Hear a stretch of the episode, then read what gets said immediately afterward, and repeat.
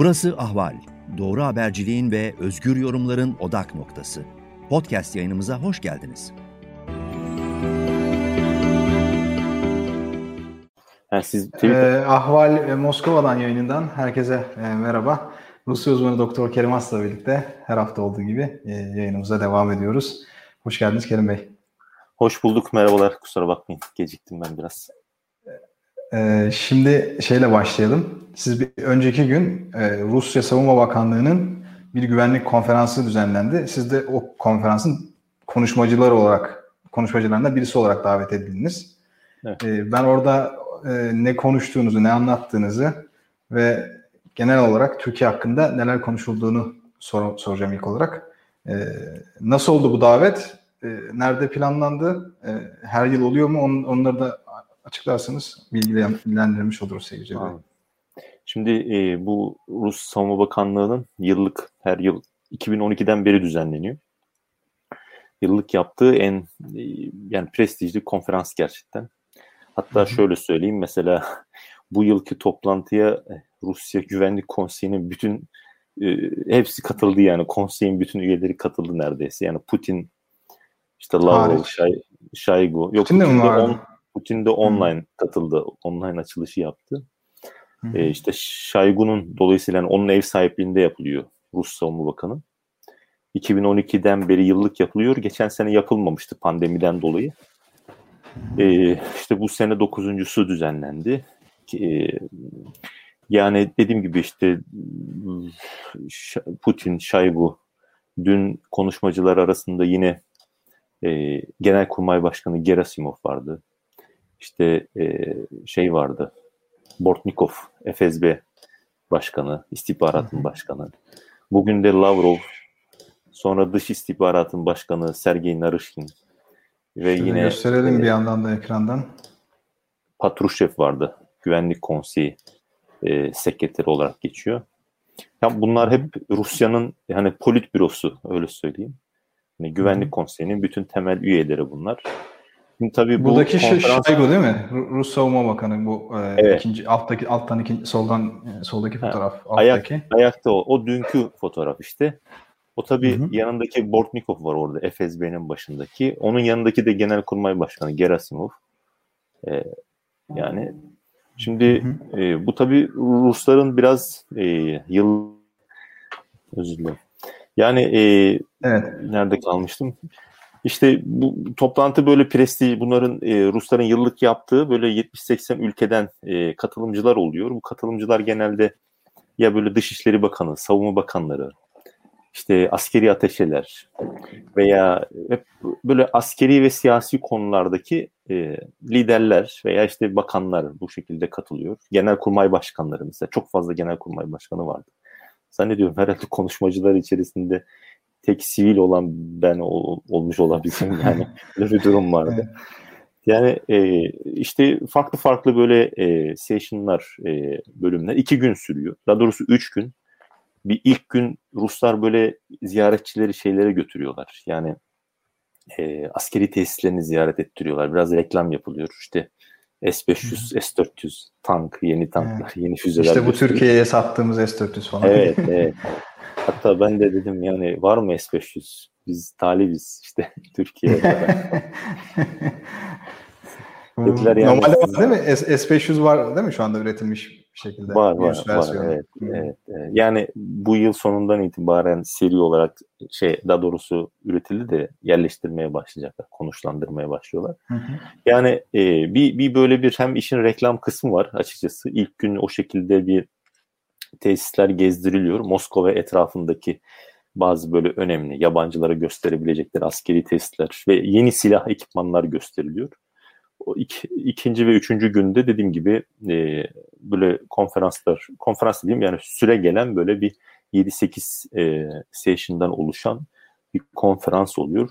Katılımcılar işte o, o, o kalibrede genelde böyle. Mesela bizim Station'da falan yani Pakistan mesela e, Genelkurmay Başkan Yardımcısıydı zannediyorum. İşte vardı başka başka ülkelerden. Türk, Türkiye'den Ve, yetkililer var mıydı? Venezuela'dan hatta vardı. Ee, hmm. yine Genelkurmay Başkanı yardımcısı mıydı? Öyleydi herhalde. Bu, bu, bu arada Venezuela'da Sputnik aşısı kullanılıyormuş yaygın olarak. E, Onu öğrendim yani, ben de. O, yani o, on, o öyle olur büyük ihtimal. Yani e, hatta e, ben konuşma yaptıktan sonra da e, yine kesildi herhalde değil mi? Yok sesinizi alıyoruz. Seste sıkıntı yok. Devam evet internetim benim çok kötü maalesef.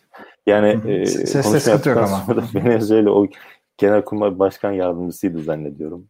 Hemen ha, yani o bir geldi dedi bir konuşabilir miyiz dedi falan işte bir bazı böyle size mi işte yani bu e, Sadat olsun işte hibrit savaşlar Türkiye'nin bu fonksiyonları yaptığı icra ettiği olaylar falan hani bunları falan biraz konuştuk böyle ayak üstünde yani hani pudra şekeri falan meselesine de biraz girdik hani meselesinde. Yani demek istediğim böyle bir şey e, sadece konferansta konuşulanların haricinde tabii e, yani ayaküstü veya işte orada atıştırırken ettiğiniz falan hani konuşmalar daha da önemli aslında. İnsanlar oralarda daha fazla fikirlerini, görüşlerini ifade edebiliyorlar. Çünkü konferans sırasında zaten hani dediğim e, hani hep devlet görevlisi insanlar oldukları için kendi ülkelerinin e, pozisyonlarını e, biraz anlatıyorlar. İşte dolayısıyla hani orada böyle çok e, yeni bir şey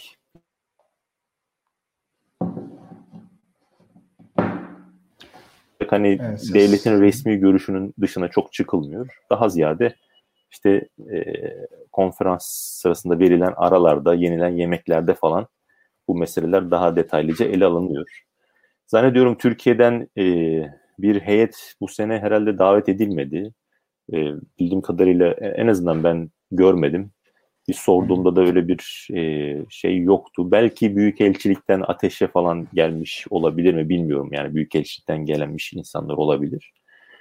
Dolayısıyla e, bu, bu tarz. Bugün işte dediğim gibi Lavrov falan oradaydı yine konuştu. E, işte Patrushev yine Güvenlik Konseyi'nin genel sekreteri sekreteri veya işte yine Narışkin, Sergey Narışkin dış istihbarat, dış istihbaratın başındaki isim. Bunlar konuştu. Böyle bir toparlıyorlar, ediyorlar. Tabii burada daha çok batılı ülkelerden gelenler az. Var ama az. Avrupa ülkelerinden mesela işte Slovakya'dan, Macaristan'dan, işte böyle e, yani Avrupa Birliği üyesi olup bazı Rusya'ya yakın olan mesela Almanya'dan neydi o alternatif değil mi? Neydi o partinin ismi? Ee, hmm. Yani evet, sağcı e, aşırı IFD. sağcı herhalde. Heh, onun mesela başkanı oradaydı yine benim de bulunduğum o session'daydı konuştu falan.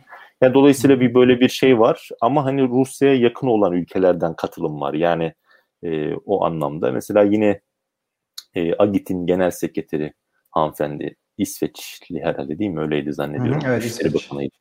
Schmidt, Schmidt olması lazım. Unuttum şimdi. Helga, Helga evet. Schmidt miydi artık? Neyse yani var yine dediğim gibi Avrupalı kurumlardan Demişler veya ki, şeylerden. Kerim Hocam yakında sizi de FSB'ye alırlar diye söylemiş bir tanesi. Yok.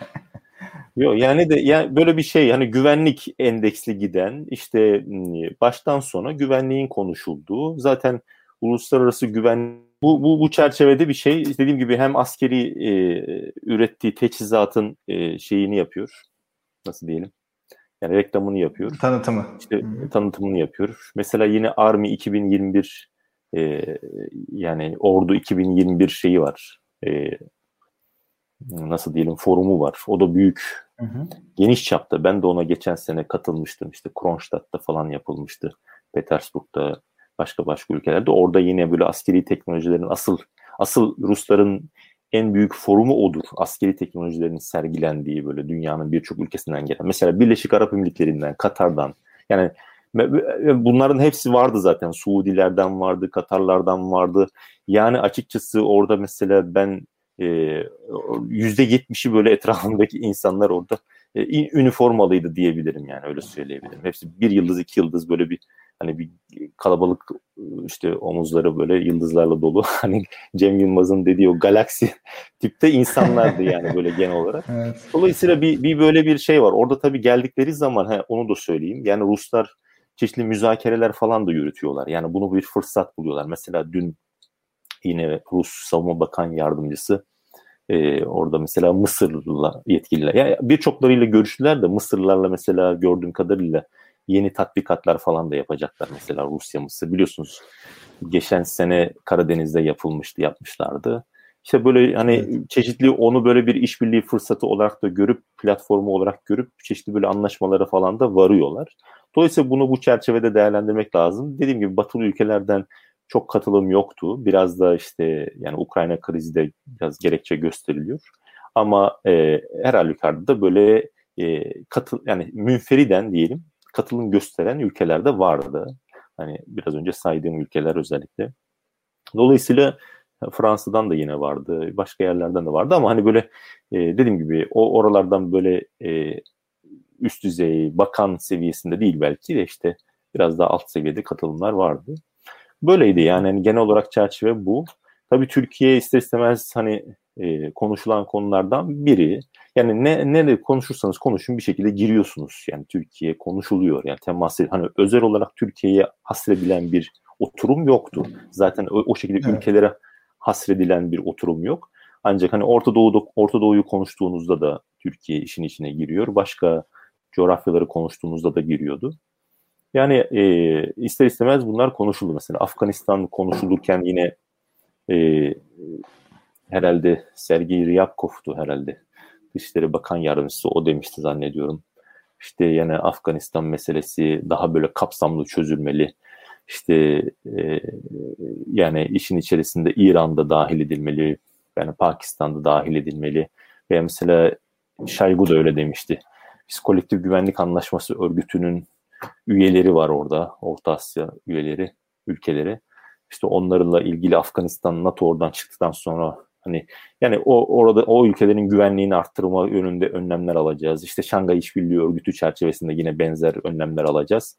Yani böyle bir e, onu konuşmuştuk hatırlarsanız. Hani normalde evet. istikrarın sağlanması bağlamında Türk askerinin olmasını ister. Kaldı ki hatta NATO'nun kalmasını da istedi Rusya uzun bir süre boyunca. NATO NATO'nun Afganistan'da kalmasını istedi. Çünkü istikrarlı olsun istiyor orası. Ama işin içerisinde işte e, yani Türkiye'nin gelmesi, bunun Taliban'ın ikna edilip edilmemesi ki ben Taliban'ın ikna edilebileceğini düşünüyorum da kastedilen orada şu. Yani e, Türkiye istikrar e, tedarik edici bir ülke mi yoksa istikrarı bozucu bir ülke mi? Yani asıl hı hı. meselenin püf noktası o. İşte Suriye'nin dağıtılmasında bir anlamda yıkımında işte mevcut iktidarın rolü.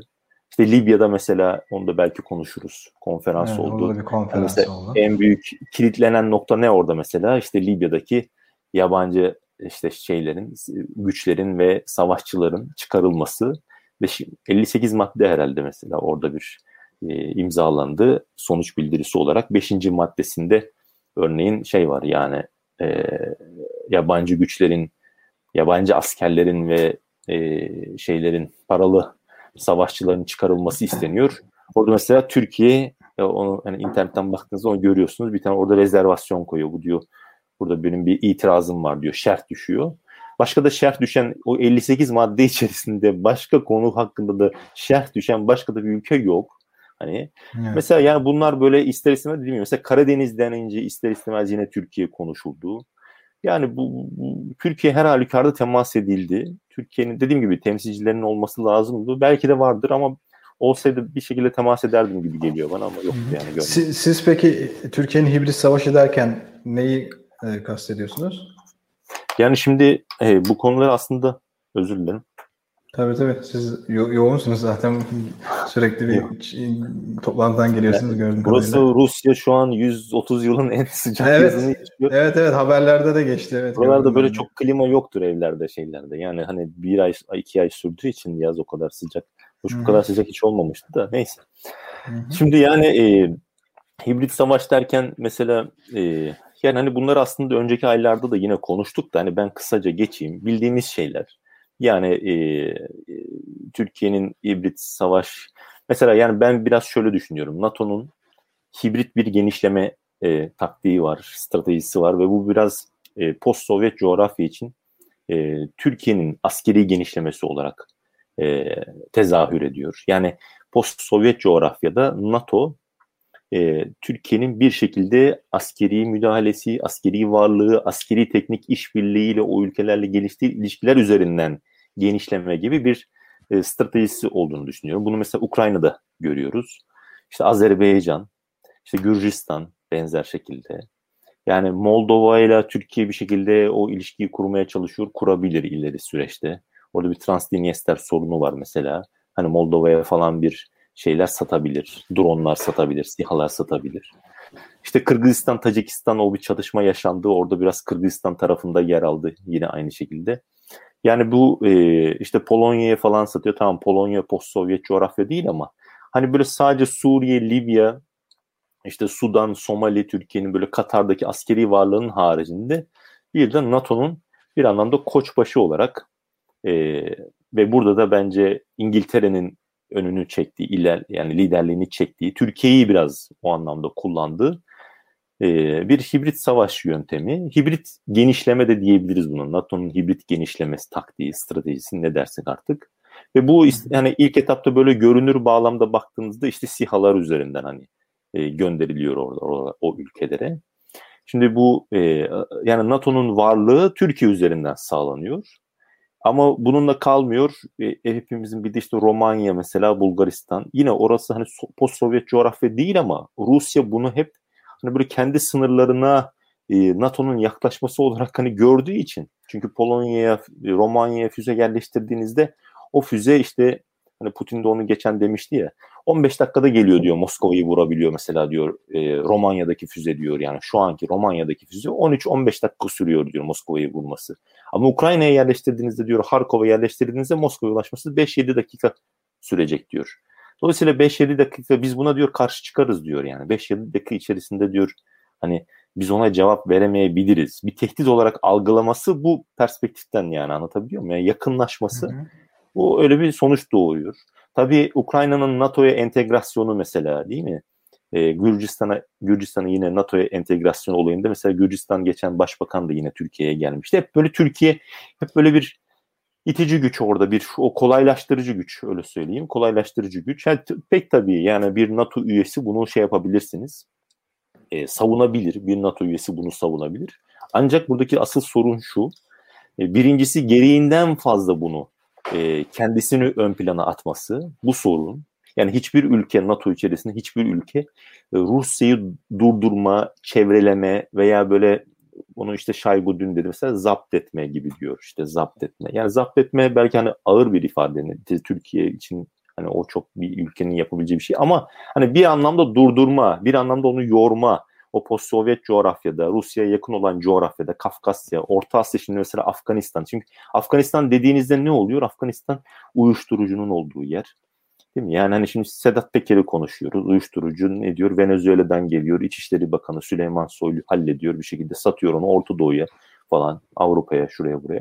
Şimdi mesela Afganistan uyuşturucunun merkezi.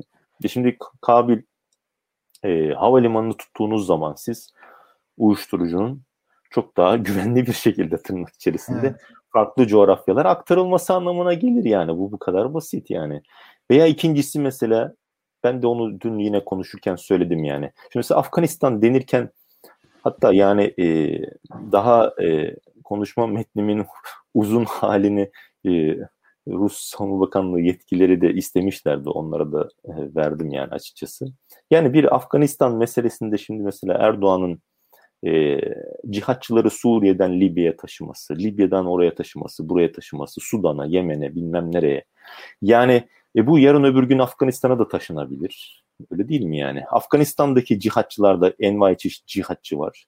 Oradan başka bir yere de taşınabilir yani. Ben niye mesela Türkiye'nin cihatçılarla ilişkilerinin o kadar böyle iç içe geçmiş olması bence Türkiye'nin çıkarlarına müthiş zarar veren bir durum yani. Bu sadece dışarıda kullanılmayacaktır bu cihatçılar. İçeride de herhangi bir işte 15 Temmuz gibi hadiselerde, başka başka hadiselerde benzer hadiseler kullanılabilecek bir şeydir yani bu. Şimdi Afganistan'ı böyle bir büyük bir depo olarak kullanmak, cihatçı deposu olarak kullanma gibi bir tehdit var mı? Bence çok ciddi olarak var. Yani Türkiye'deki mevcut iktidar maalesef bunu kullanmaz demezsiniz. Kullanabilir orayı depo olarak. İstediği zaman istediği ülkeyi e, oraya karıştırmak veya işte bir şekilde yıkımını arttırmak için oralara gönderebilir. Ve Türkiye ile bu Türkiye'nin kendi güvenlik e, bürokrasisiyle, yapısıyla, e, kurumlarıyla iç içe geçmeye başlıyor bu yani. Sadat dediğimiz mesela dün yine konuştuğum benim de orada dile getirdiğim hususlardan birisi. Yani ha, bu şimdi mesela Afganistan onun taşınması, cihatçıların taşınması ne anlama geliyor? Yani mesela eğer taşınma tehlikesi böyle bir risk var mı? Var. Ciddi bir risk mi bu? Ciddi bir risk. Yüksek bir risk mi? Yüksek bir risk. Uyuşturucu aynı şekilde var mı? Var. Ciddi bir risk mi? Evet. Yüksek bir risk mi? Evet. Yüksek bir risk bunlar yani. Dolayısıyla orada sadece bir e, bir havalimanını kontrol etme olarak ben bunu mesela şahsen değerlendirmiyorum yani. Ve bu, bu, bu ne demek? Afganistan demek Orta Asya'nın güvenliği demek yani. Orta Asya'nın güvenliği demek yani bir ister istemez Rusya coğrafyası. Aynı benzer evet. Çin, Uygurlar yine Afganistan'ın Çin'le sınırı var. Küçük de olsa, kısa da bir sınırı olsa. Şimdi Uygurların evet. orada. Şimdi bunların bunların hiçbirisi Türkiye'nin çıkarlarına uygun şeyler değiller yani. Bence hiç alakası yok Türkiye'nin çıkarlarıyla doğrudan yakından alakası yok. 20 senedir NATO orada kaldı. Çok e, mesela önem veriyor idiyse e, yetiştirseydi bin tane Afgan askerini yani öyle değil mi? Velev ki yetiştiremedi 20 sene içerisinde yetiştiremedi. Niye Türk askeri orada yani o tehlikeye atılıyor? Niye mevcut iktidarın yaptığı o tarz usulsüzlükleri siz bizden çok daha iyi biliyorsunuz Amerikan devleti olarak. Sezgin Baran Korkmaz'ı ne yaptı? Enseledi bir anlamda yani değil mi Avusturya'da. Şimdi bilmiyor biliyor yani Rıza Zarrab olayını bilmiyor, biliyor yani hani hepsi bunları bizlerden hepimizden daha iyi biliyor yani. Dolayısıyla hani hani dedi ki yani ciğeri kediye teslim etmek değil mi bu yani Afganistan'a e, Erdoğan yönetimini Bekçiliği. teslim etmek yani veya bu bu ya bildiğimiz yani ciğeri kediye teslim etmek bu yani başka bir şey değil bu benim şahsi kanaatim. Yani öbür türlü böyle diplomatik misyonların korunması falan bana bunlar hep hikaye geliyor açıkçası. Çünkü basit şeyler bunlar. Yani ülkeyi Taliban'a bırakmışsınız siz bir anlamda. Çünkü hatta geçen değil mi Amerikan yetkililer de istihbaratı. Bugün herhalde Washington Post'ta zannediyorum yayınlanan bir yazı vardı. İşte e, 6 ay içerisinde diyor. NATO çıksa 6 ay içerisinde Taliban kontrolü eline alabilir Afganistan'da. E böyle bir tehlikeli bir durumda bırakmanın ne anlamı var? Veya yani bunu 20 senedir bu mu oldu sonuç? Gelinen sonuç bu mu?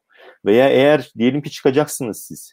O zaman niye bölge ülkelerinde işin içine katarak daha kapsamlı, inkluzif bir strateji izlenmiyor yani? Bu yani dediğim gibi bunu bir şikayet etme bağlamında ben de kesinlikle öyle düşünmüyorum yani. Bunu hani Ruslara söylerken Rusların zaten bildiği bir şey bu yani. Türkiye'nin hani normalde dediğim gibi istikrar sağlayıcı bir ülke olsa ister. Hatta jandarmalığını da ister. Yani ölecekse hani umarım öyle bir şey olmaz. Ama hani niye Rus askeri ölsün? Niye KG e, Kolektif Güvenlik Anlaşması örgütü askeri ölsün yani? Hani öyle düşünebilir Rusya. E, Türk TSK madem iktidar toplum destek veriyor bu tarz hani hani ihraç ürününe tabir caizse yani çünkü TSK'yı askeri Türk askerin Türk e, silahlı kuvveti askerini mevcut iktidar maalesef bir ihraç ürünü olarak tırnak içerisinde söylüyorum. Bunu çok üzücüdür. Çok rahatsız edici bir şey bu. Ben şahsen çok rahatsız oluyorum ama maalesef bunu o şekilde kullanıyor. Bu aynı Suriye'de de, İdlib'de kalkan yapıyor cihatçılara. Libya'da aynı şekilde. Veya böyle bu şekilde yani böyle böyle kullanılması bu rahatsız edici bir şey. Bunu söylemiş olmak hiç yani Türkiye'nin çıkarlarını savunmak anlamına geliyor bence başka bir şey değil. Dolayısıyla e, ben bu bu eksende ben açıkçası biraz konuştum. Mesela Sadat meselesine girdik. Yani Sadat'ın e, bu örtülü operasyonlarda kullanılıyor olması, 15 Temmuz'da rolünün olması, içeride de kullanılmasına bir örnek. Ve bunun Libya'da işte e, yani bunları hani Ruslar otel numaralarına kadar, oda numaralarına kadar verdiler yani hangi oda numarasında hangi Sadat yetkilisi kalıyor diye yani Rus medyasında çıktı bunlar yani. Veya işte hangi askerler e, işte Sadat'tan kaç kişi gitmiş Azerbaycan Karabağ hani o savaş sırasında olsun. Veya işte diyelim ki e, Ukrayna'ya yine benzer şekilde gönderildi söylenen büyük ihtimal gönderilmiştir orada yani. Çünkü sihalar falan giderken orada bir ekip gittiğini yani tahmin edebiliriz. Dolayısıyla hani böyle Suriye'de aynı şekilde yani Yemen'de bir şekilde devreye girmeye çalıştılar veya yine Katar'da ve yine başka ülkelerde de var. Afrika ülkelerinde birkaç yerde daha var zannediyorum. Dolayısıyla bu Sadat'ın böyle Sadat gibi bir kurumun e, yani bir e, nasıl diyelim e, örtülü operasyonlarda hesap vermeden e, ülkenin çıkarına değil iktidarın ve e, Erdoğan yönetiminin şahsi bekası için böyle çalışıyor olması beni şahsen çok rahatsız oluyor ediyor böyle bir grubun yani. Ve bunu bunu bunu bunun mesela tartışılması lazım daha fazla bir şekilde. Yani hani böyle şey değil, rahatsız edici bir şey bu. Veya işte mesela yine ben hani dile getirdiğimde orada mesela İHA dediğimiz kurum. E, Ruslar kendisi bunu e, o uçak krizi sırasında işte mesela insani yardım vakfı deniyor. Tamam belki 3-5 bir şey götürüyordur ama e, bir insani yardım götürüyorsa 3 silah götürüyor yani. Sedat Peker'in kendisi açıklaması var değil mi? Yani İHA hala silah gönderildi evet. El-Kaide üyelerine. Yani bunların dile getirilmesi lazım. Yani bu Ruslar kendisi dediğim gibi dosyalar halinde Birleşmiş Milletler Güvenlik Konseyi'ne İHA'dan kimler Bülent Yıldırım ismen geçiyor orada yani veya başka başka yetkililer aynı şekilde. Ve bu İHA hala devam ediyor. Yani insani yardımda bir sıkıntı yok. İnsani yardım yapabilirsiniz. Ama işin içerisinde terörü, silahı bulaştırdığınızda bu ülkenin çıkarıyla doğrudan yakından alakası olan bir şey değil. Orada bir silah kaçakçılığı ve silah tedariki yapıp büyük muhtemelen kendi komisyonlarını alıyorlar yani. Dolayısıyla bu. Mesela yine aynı şekilde e, işte paramiliter gruplar, işte Osmanen Germenan değil mi o bir öyleydi herhalde Almanya'daki. Almanya'da bir şekilde veya bu e, Boz Bozkurtlardı bu Serkan Kurtuluşlar mesela anlatıyor şimdi mesela değil mi daha Arjantin'de orada mesela Hı-hı. anlatıyor.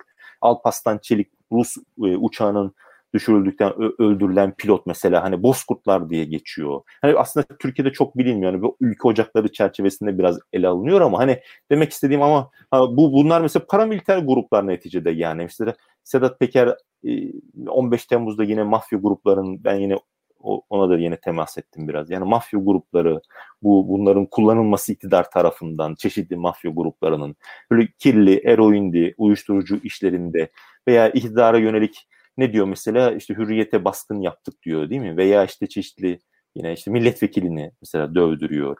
Veya hani şu ana kadar anlat. Ya bunların hatta ben şunu söyleyeyim mesela orada bir o arada mesela bir önemli bir yine yani Şaygun'un sağ kolu diyebileceğim isimlerden birisi mesela. Sedat Peker'i biz çok böyle bir 10-15 dakika bir detaylıca konuştuk mesela. E, ve hmm, e, yani Ruslar yani yani mesela şahsen o kişiyi o kadar detaylı bilmiyordu. Bir şeyler duymuştu. Duymuştu. Hani az çok bilgisi vardı ama o kadar detaylı bilmiyordu.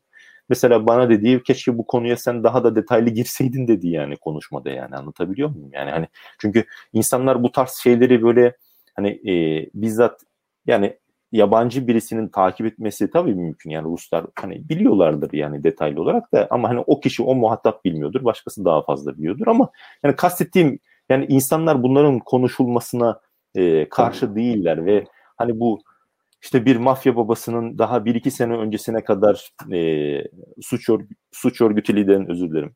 E, mitinglere Erdoğan'ın mitinglerine e, insanları davet etmesi, çağırması değil mi? Organize etmesi. E şimdi de e, Erdoğan'a ve etrafını boşaltarak bir anlamda hedef seçmesi. Bunların her birisi hibrit savaş bir metodu aslında biraz bir anlamda baktığınızda. Yani belki şu an hani tam onu bilmiyoruz. Sedat Peker'in arkasında birileri var mıdır yok mudur tabii. Ama hani bir açıdan baktığınızda... Bu arada, YouTube... bu arada Sedat Peker'in YouTube kanalına ve e, Twitter ve Instagram hesaplarına engelleme erişim engeli getirilmiş Türkiye'ye. Tümüyle Bu kadar mi? süre sonra. Evet tümüyle.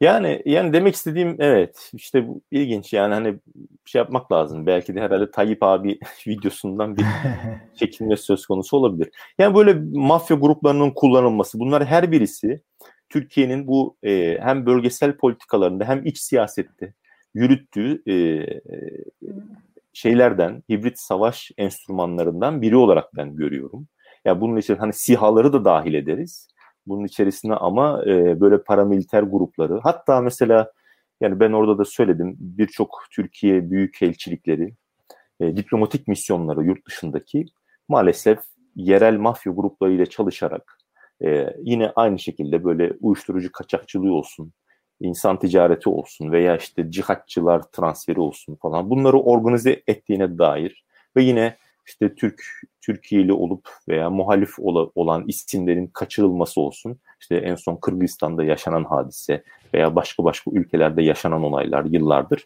Mesela hani ne diyoruz? Belarus'ta mesela kızılıyor değil mi?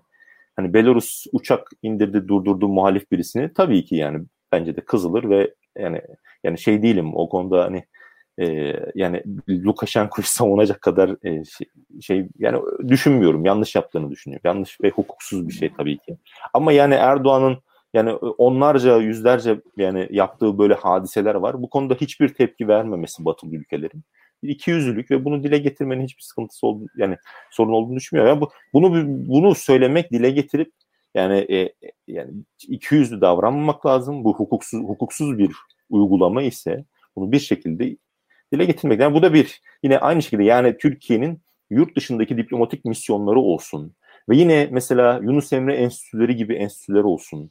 DİTİB'ti, Diyanet'ti. Yani bunların her birisi bir anlamda Türkiye'nin kimisi Balkan ülkesinde, kimisi işte Rusya coğrafyasında, eski Sovyet coğrafyasında işte, kimisi e, mesela böyle Türkiye halklar, gruplar bir organize etme, hani böyle tarikatlar, cemaatler veya böyle e, o görünümlü, o onlar şeklinde görünen gruplar vasıtasıyla bir şekilde o coğrafyaları böyle kaşıma, hassas noktalarını kaşıma, çeşitli istihbari bilgiler toplama.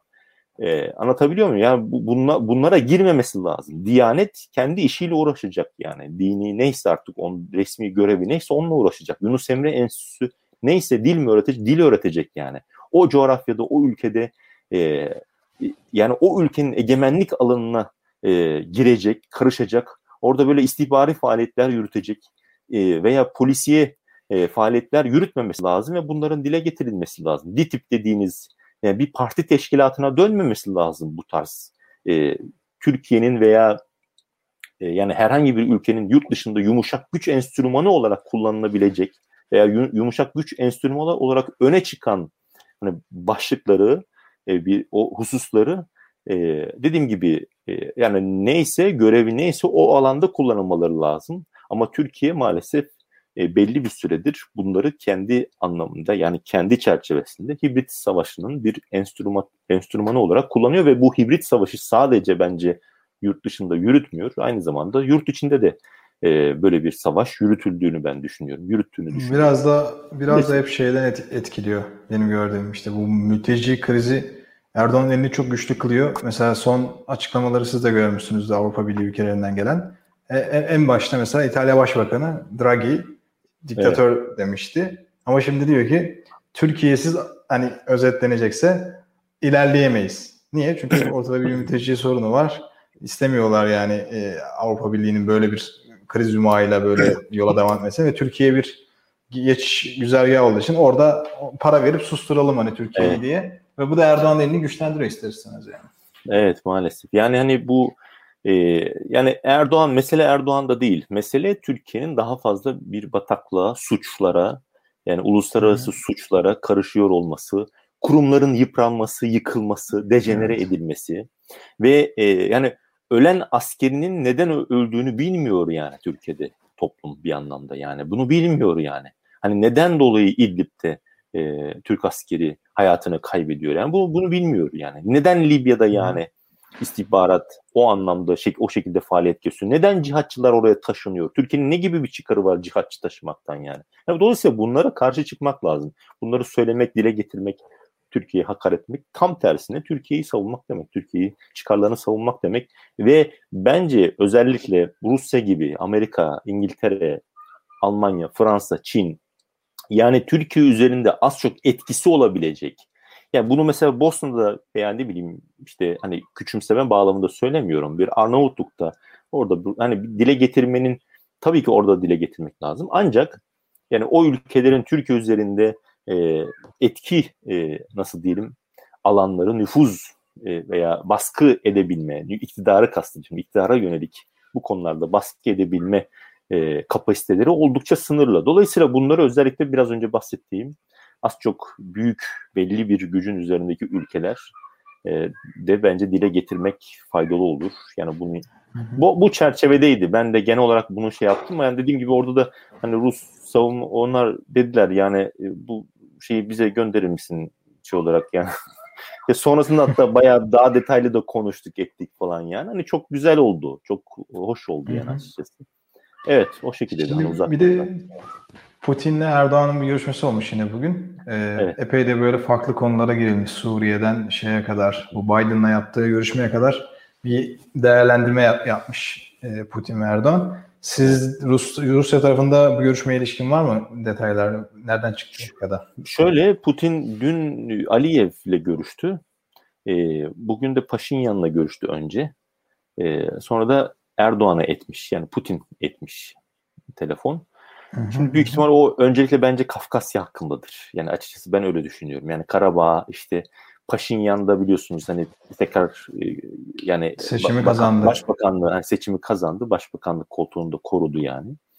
Ee, ben mesela hani şahsen bu kadar yani yüzde 53 yani 54 falan aldı oy. Mesela ben o kadar alabileceğini zannetmiyordum. Ee, ama benim zannedip zannetmemem önemli değil. Yani en önemli olan Ermeni halkı ne düşünüyor? Önemli olan o tabii ki. Yani demek istediğim böyle Koç Koçaryan'a yönelik biraz daha mail vardı mesela. E şimdi nedir o e, Paşinyan kalacak. E, hani Paşinyan dolayısıyla orada bir şey oldu bence. Yani e, asıl mesele Karabağ olarak bence öne çıkıyor. Dediğim gibi ilk önce Aliyev'le de Paşinyan'la da görüşmüş. İşte Paşinyan'ı da tebrik etmiş yani kutlamış. Dolayısıyla orada Türkiye ile de yani bak Paşinyan da devam ediyor. Yani bu 9 e, Kasım'da imzaladığımız bir ateşkes anlaşması vardı. Yani adı ateşkes değil ama yani ateşkes. O, evet. Ortak devriye vardı gibi değil mi? E, ortak şey vardı. Gözlem miydi bir şey? Ateşkes, göz, ateşkes gözleme merkezi. O tabii Karabağ'ın dışında e, o konu konuşulmuş. E, o öne çıkarılmış Kremlin'in açıklamasında. E, yani işte Sputnik aşısı geldiği için ve e, Rus turistler hani e, uçuşlar yasağını kaldırdı Rusya'da biliyorsunuz. Dolayısıyla evet. o konuda o konuda bir Erdoğan e, bir teşekkür etmiş. İşte Karabağ biraz daha detaylı ele alınmış. 9 Kasım'da bir anlaşma imzalanmıştı. Bir de e, Ocak ayında e, Putin, Aliyev, Paşinyan üçlü bir görüşme gerçekleştirmişlerdi Moskova'da. Orada bir anlaşmaya varılmıştı biliyorsunuz. Hani bu ulaşım hatlarının açılması gibi meseleler hakkında. Dolayısıyla bunlar o anlaşmaların hani devamı yani bunlar konu çünkü hani bu Nahçıvan koridoru nasıl açılacak, hangi şekilde açılacak yani e, detaylar var biliyorsunuz. Dolayısıyla bunların konuşulduğunu ben düşünüyorum daha fazla, daha detaylı. Yani yani Ruslar şey derler yani hani derci işte Druzev, Biliska işte e, Avragov yaşıyor Bilije diye. Hani ne de yani arkadaşlarını e, arkadaşını yakın tut, dostunu yakın tut, tut ama düşmanı daha da yakın tut diye söylerler. ya şimdi hani Türk, Türkiye düşman o anlamda söylemiyorum hani Rusya'nın düşmanı anlamda söylemiyorum da yani hani ama hani o, o kontrol edeyim yani. yani dostumu yakın tutayım ama öbürünü de e, daha da yakın tutayım da yaptığı hareketlerin ne işler hani çevireceği o bakayım yani o kontrolüm altında olsun derler. Ben biraz hani o çerçevede değerlendiriyorum. Biraz da hani Suriye meselesinde tekrardan bir e, o Astana formatındaki görüşmeler devam edecek.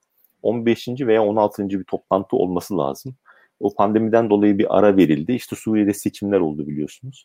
Dolayısıyla o Cenevre'de hani bir yürütülen bir anayasa komisyonu görüş, komitesi görüşmeleri var. Ama onunla paralel giden bir de Astana e, formatındaki bu şey görüşmeler var. Yani e, Cenevre'deki anayasa, öbürü de e, hani silahlı grup temsilcileriyle hani Esad yönetiminin temsilcileri arasındaki işte Suriye, e, özür dilerim Türkiye, Rusya, İran'ın da katılımıyla yürütülen o müzakereler. Dolayısıyla onun da zannediyorum 15-16.sı düzenlenecek. Hani orada bir Suriye'deki seçimlerden sonra buna bir ivme kazandıralım bağlamında gerçekleşen bir görüşme olarak e, düşünülebilir kanaatindeyim. Libya geçmiyor. İlginç geldi bana. E, onda yani hani ya söyleyecek bir şey yok ya da dün konferans oldu hani orada söylenen söylenmiştir gibi de düşünülebilir. Orada hani biraz önce bahsettik Libya konferansı yani hani 58 madde yani orada asıl zaten hani maddelere baktığınızda bir 4-5 böyle şey altında geçiyor. Alt başlıklar var.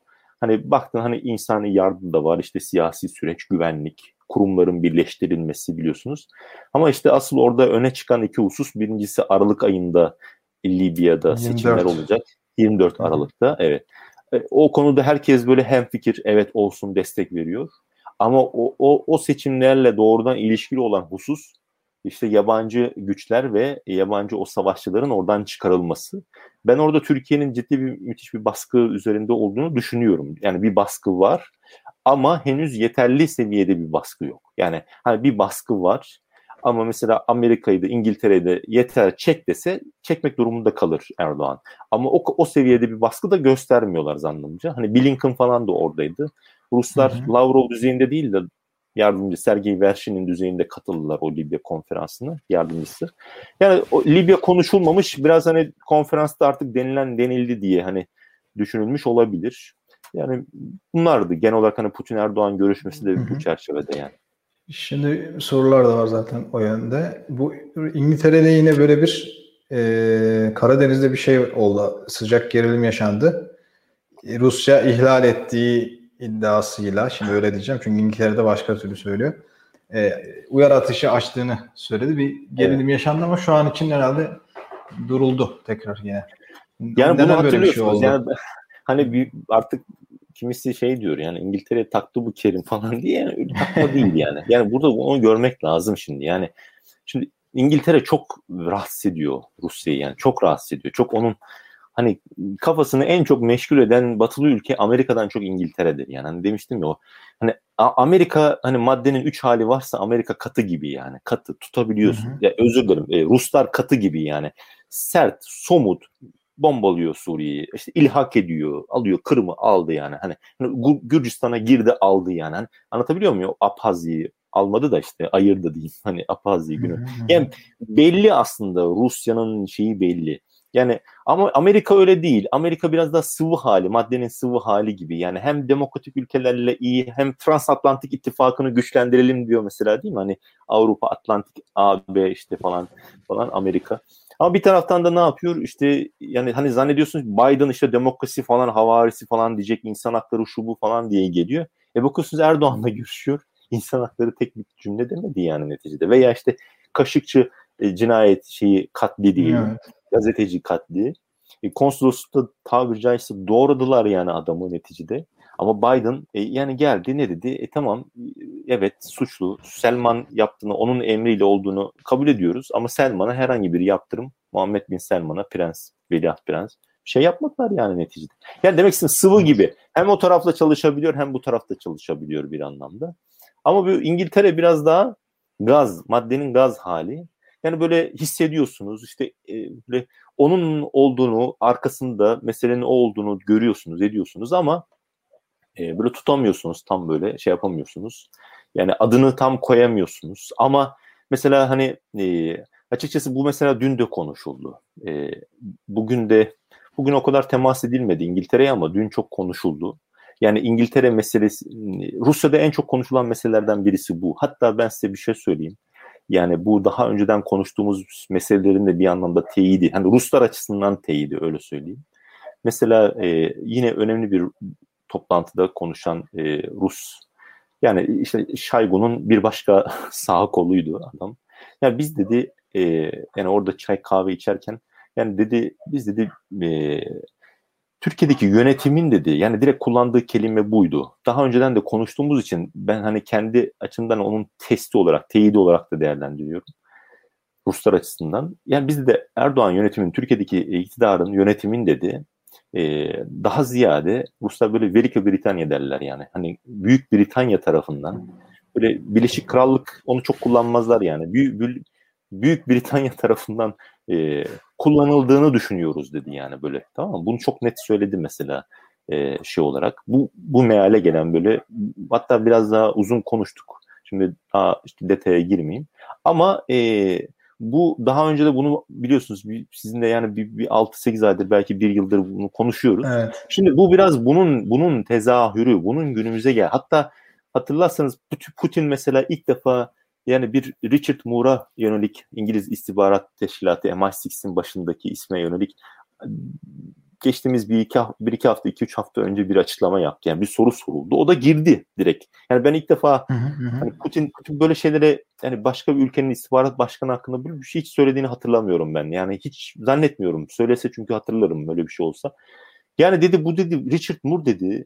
Yani direkt biraz dalga şey konuştu. E, ironik konuştu. Hı. Daha dedi toy dedi toy göreve yeni geldi o dedi tamam mı? Yani yeni geldi dedi. Türkiye'deydi, büyük elçiydi dedi yani. E, göreve yeni geldi dedi. biraz dedi tecrübe kazansın, koltuğuna bir otursun dedi tamam Böyle bir şey yaptı. Dalgavari biraz konuştu. Dedi ama dedi ona ben bir şey diyeceğim, bir şey diyeceğim dedi. İngiltere Rusya ilişkilerini bozmaya çalışmasın dedi yani tamam Yani şimdi bunu hmm. yani bunu mesela şunu Böyle bir ajanda demedi. demek. Heh, heh, yani onu söyleyeyim. Yani e, bu Rusya'nın bakış açısından böyle bir ajanda güttüğüne dair yani İngilizlerin de mesela bunu Putin Boris Johnson için söyleyemedi biliyor musunuz? Yani mesela başbakanı için söylemiyor bunu. Ama o İngiltere'nin bir kendi bir devletinin artık bir bakış açısı var. Rusya'yı konumlandırdığı bir yer var ve bu yer yani e, Rusları müthiş rahatsız ediyor. Mesela Çekya'da yaşanan e, o skandal geçtiğimiz yine bir ay kadar önce hani diplomatlar gönderildi edildi biliyorsunuz falan. Yani, yani mesela hep burada da hep ya burada bir İngiltere parmağı var deniyor. İşte Navalny meselesinde. Bunu dediğim gibi ben Rusya'nın tezlerini savunma anlamında söylemiyorum. Çünkü katıldığım noktalar var, katılmadığım noktalar var. Bunu önceki videolarda konuştuk. Ama e, genel olarak bu e, İngiltere'ye bakışında yine Erdoğan'ın e, İngiltere ile olan ilişkilerine müthiş bir şu sıralar bu konuda çok tartışılıyor, çok konuşuluyor. Ve dün dediğim gibi o yani Say, Şaygun'un e, sağ kolu dediğim isim e, dedi bu konuda dedi Rusya'da dedi çok bir şüphe yok biliyor musunuz dedi yani. Yani İngiltere'nin Erdoğan yönetimini kullandığına dair. Burada en yaygın kanaat bu dedi. Ben dedim mesela Amerika ile de ilişkileri iyidir dedim Erdoğan'ın dedim. Yok dedi yani. Burada dedi asıl öne çıkan e, ülke dedi İngiltere dedi. Şimdi geleceğim. Şimdi bunları koyun mesela. Bunları arda da koyalım. Putin'in bu açıklamasını da koyun. Sonra hatırlarsanız Mayıs'ta herhalde veya Nisan'da hani Amerika e, Ukrayna krizi gerildiği zaman iki tane e, iki gemisini savaş gemisini Montreux evet. e, şeyinden Karadeniz'e gönderecekti. Sonra ne oldu bir yumuşadı o işte Biden Putin'e görüşme teklif etti mesela değil mi? Orada hemen Rusya tarafı cevap vermedi. Bir ay kadar falan sonra cevap verdi neticede. Ama ne oldu? Orada bir gerilim düştü. Ama buna rağmen e, mesela buna e, bu olduktan sonra ne oldu? Amerika mesela gemileri göndermeme kararı aldı hatırlarsanız. Hani şey yapmadı e, boğazlardan geçilmedi. Ama buna rağmen İngiltere ne dedi? Hayır ben göndereceğim dedi mesela. Gemi göndereceğim dedi mesela. Yani Ukrayna'ya destek anlamında. Yani burada bir çeşit kaşıma var tamam mı? Şimdi bunun detayına gireyim. Yani çok uzattığımın farkındayım. Olay nedir burada? Olay şu. Ee, İngiltere İngiliz gemisi giriyor Ukrayna'ya hani orada tatbikatını veya orada bulunuyor. Mesela Karadeniz'de yapılan tatbikat sayıları çok arttı onu da söyleyeyim. Yani hani Ruslar Hı-hı. bu konuda zaten çok rahatsız. Ama e, işte çıkarken e, Kırım'a yakın. Kırım'ın karasularından geçiyor şimdi tamam mı? Kırım'ın karasularından geçiyor. 3 kilometre kadar zannediyorum orada bir. Kırım karasularından geçiyor. Kırım, e tabi İngiltere Ukrayna'nın toprağı olarak gördüğü için Kırım'ı. Anlatabiliyor muyum? Ukrayna'nın toprağı olarak gördüğü için ne diyor? Ben Ukrayna'nın karasularından geçtim diye bakıyor. E, Rusya'da Kırım'ı ilhak etti. Ben, benim diyor orası diyor. Benim karasularımı ihlal ettin diyor. Şimdi mesele şu. Bak o gemi o gemi hatta o gemi oraya giderken ben başka birkaç arkadaşla konuşurken onu söyledim yani. Dedim bakın dedim bakın İngiliz gemisi daha gelmemişti biliyor musunuz? Boğazlardan girmemişti. Hmm. Bu yayında konuşmadık da dün akşam bu hadise yaşandıktan sonra o arkadaşlarla e, tekrardan bir yazıştık. Yani dedim bak dedim ben demiştim dedim böyle bir şey olacak demiştim. Yani çünkü İngiltere oraya geldiyse orada bir şey yapacaktır tamam mı yani? Şimdi o Kırım karasularına girmek bir şey kazandırmayacak size.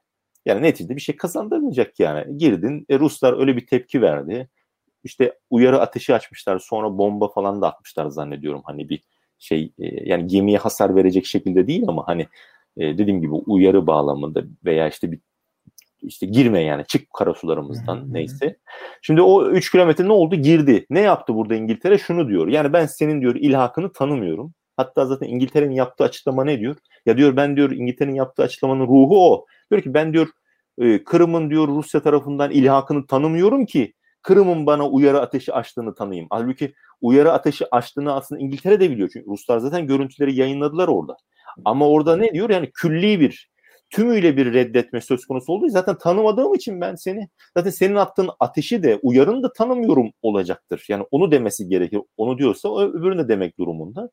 Ama bunu, bu nedir? Yani e, gelinen noktada şuraya geliyoruz. İşte e, kazanan bir şey yok. Yani burada e, İngiltere-Rusya ilişkilerinin gerilmesi bir nokta. Yani o, o hadi diyelim ki bu tamam. Ama neticede Ukrayna'ya bu bir şey getirisi var mı bunun? Bunu, bunun Ukrayna'ya bir getirisi yok açıkçası. Ama Ukrayna'ya şu şu şu teşviki veriyor, cesaretlendiriyor Ukrayna'yı. Kiev'i şu, şu açıdan cesaretlendiriyor. Ne diyor? Hani Ruslar zaten onu söylüyor. İngiltere diyor, e, Kiev yönetiminin diyor militarist e, eğilimlerini diyor cesaretlendirme durumuna geliyor böyle. Bu neyle sonuçlanır? Rusların uyarısı net. Diyor ki militarist eğilimleri diyor cesaretlenirse Kiev'in bunlar diyor Donbas'a operasyon yaparlar. Donbas'a operasyon yaparlarsa, harekat yaparlarsa biz de Donbas'a gireriz. Dolayısıyla o savaş büyük bir savaşa evrilir ve Ukrayna devleti diye bir devlet ortada kalmayabilir diye uyarıyorlar. Dolayısıyla hmm. mesele şu, e, e, İngiltere aslında basit bir hamle, yani şey değil, e, nasıl diyelim, ya yapabilir. Ama bunun e, dediğim gibi böyle zincirleme reaksiyonlarla doğurabileceği sonuç e, yo, o yapılan hani 3 kilometrelik karasulu karasuları ihlali yani öyle bir sonuç da doğurabilir. Bunu da görmek lazım. Tamam mı? Yani bu savaş evet. kime yarar? Mesela düşünün. Kiev'de Kiev girdi, harekat yaptı Donbas'a. Ruslar zaten tepki vereceği belli. Zaten konuştuk onu iki ay kadar gerilmişti. Evet.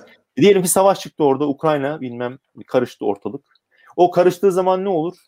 Mesela İngiltere uzak zaten ada devleti yani. Orada uğraşacak olan Almanya, İngiltere, Almanya, Fransa, Avrupa Birliği uğraşacak yani onunla. Anlatabiliyor muyum? Ya, ya bu, bu. Oradan İngiltere zarar görmeyecek yani çok aslında baktığınızda. Arz edemiyorum. Dolayısıyla burada ve Türkiye'nin de bir anlamda hani Erdoğan işte sihalar satarak yine böyle Ukrayna Kiev'i ağırlayarak Kırım Tatarları falan bunun üzerinde çok fazla gereğinden fazla durarak ve Kırım Tatarlarına da zarar verici bir şekilde durarak bence. Dediğim gibi Kırım'ın ilhakını savunma anlamında söylemiyorum. Çünkü ilhakı açıkçası ben doğru bulmuyorum. Ama e, Türkiye'nin Kırım Tatarları, Tatarları, Tatarları diyerek oradaki Kırım Tatarlarının hayatını daha da zorlaştırma gibi bir tehlike, risk de var. Onu da söyleyeyim. Yani o Türkiye'nin sanki beşinci kol faaliyetleri yürüttüğü bir etnik grup gibi olarak algılanması gibi bir durum, tehlike var Moskova açısından. Yani Moskova öyle de bakabilir buna. Dolayısıyla o Kırım Tatarlarına daha fazla, daha geniş diyelim imkanlar sağlayabilecekken ter ki bu Türkiye burada farklı faaliyetler yürütüyor. Ya yani biz bu e, imkanı şu aşamada sağlamayalım diyebilir. Dolayısıyla Kırım Tatarlarının hayatına daha da zarar verebilir Türkiye'nin mevcut durumu. Benzer şekilde Ukrayna ile Türkiye'nin ilişkilerinin gelişmesinde hiçbir sıkıntı yok. Çok meşru, geliştirebilirsiniz. Ama gereğinden fazla böyle balıklama daldığınızda e, yani sadece Türkiye-Rusya ilişkilerini germekle kalmazsınız. E, Ukrayna devletine de zararınız olur. Kendi ülkenize de zararınız. İşte turistler geldi gelmedi. En basitinden onu konuşuyoruz yani. Turistler açıldığı zaman işte hani uçuş yasağı kaldırıldığı zaman işte Türkiye'deki hani ekonominin bir nispeten bir en azından bir ateşlenmesi gibi bir durum söz konusu oluyor. Olumlu. Ha demek istediğim neyse bunun çok yansımaları var. İngiltere meselesi de biraz böyle. O böyle hani provoka, provokasyon hadi demeyeyim ben. Ben provokasyon demeyeyim. Onu Rus yetkililer demiş olsun. Ama bunun evet. çıkacağı belliydi. İngiltere oraya gemi gönderdi. Ee, bu bir şey kazan yani haddi zaten dediğim gibi bir şeyi yok bunun. Sahada bir şey yok. O da biliyor. Mesela Rusya İngiltere ile savaşmak istemez. Niye savaşsın? Gemiyi niye batırsın orada? Yani büyük bir devlet niye savaşsın? NATO ülkesi. Hani Rusya bombalarım der de o küçük ülke olduğu zaman mesela Ukrayna 2018 Kasım'da hani çok uzaktım da ama bu konuyla da ilgili. Mesela Kasım 2018'di diye hatırlıyorum veya Aralık 2018. Ukrayna mesela Kerç Boğazı'ndan geçirdi gemileri. Yine Kırım'a Kırım işte yani karasularından geçirdi. Azov, e, Azak Denizi'ne geçirdi. Mesela ne yaptı Rusya, Rusya orada? Ukrayna neticede ona e, Ukrayna küçük bir devlet. NATO üyesi değil. Dolayısıyla Ruslar aldı hop 35 tane zannediyorum. 35 Ukrayna askerini bir bir 12 ay kadar zannediyorum bir cezaevinde bir onları misafir etti. Hani gemileri evet. de gemileri de gemileri de el koydu. Sonradan geri verdi diye biliyorum. Mesela bir 12 ay orada bir ders verdi Ukrayna'ya. Ama mesela Rusya bunu İngiltere'ye yapamaz. Ya yapar ama işler o kadar gerildiği zaman yapar. Yani savaşı göze aldığı zaman yapar. İngiltere de Rusya ile savaşmak istemez ama ne yapar? Maşa tutarak hani bir şekilde maşa üzerinden hani Rusya'yı yorma bunu tercih edebilir. E, Rusya o anlamda başka İngiltere'yi rahatsız etmek için başka o anlamda maşa tutmak durumunda kalır falan filan. Yani dolayısıyla demek istediğim burada hani vesayetler üzerine, vasiller üzerinden bir savaş, bir gerginlik yürütülüyor. İngiltere de bu Karadeniz coğrafyasını çok sevdi. Yani çok seviyor. Yani ve burada da hani böyle Türkiye, işte e, Ukrayna, yani Romanya, yine e, Bulgaristan on, o ülkeler öne çıkıyor. Gürcistan nispeten. Neyse uzattım. Genel olarak bu şekilde değerlendireyim yani. Peki. Ee, bu haftalık böyle noktalayalım. Ee, yine haftaya görüşürüz. Çok teşekkürler Kerim Bey. Tamamdır. Ben tekrar özür diliyorum internet kesintileri için. Kusura bakmayın. İyi akşamlar diliyorum herkese. İyi akşamlar. Akşamlar. Akşamlar. Akşamlar. Akşamlar. Akşamlar. Akşamlar. Akşamlar. Akşamlar. Akşamlar. Akşamlar. Akşamlar. Akşamlar. Akşamlar. Akşamlar. Akşamlar. Akşamlar. Akşamlar. Akşamlar. Akşamlar. İyi akşamlar. Akşamlar. Akşamlar. Akşamlar. Akşamlar. Akşamlar. Akşamlar. Akşamlar. Akşamlar. Akşamlar. Akşamlar. Akşamlar. Ahval podcastlerini tüm mobil telefonlarda Spotify, SoundCloud ve Spreaker üzerinden dinleyebilirsiniz. Apple iPhone kullanıcıları bize iTunes üzerinden de ulaşabilir. Türkiye'nin ve hayatın cıvıl cıvıl sesleri Ahval Podcast dizisinde. Kulağınız bizde olsun.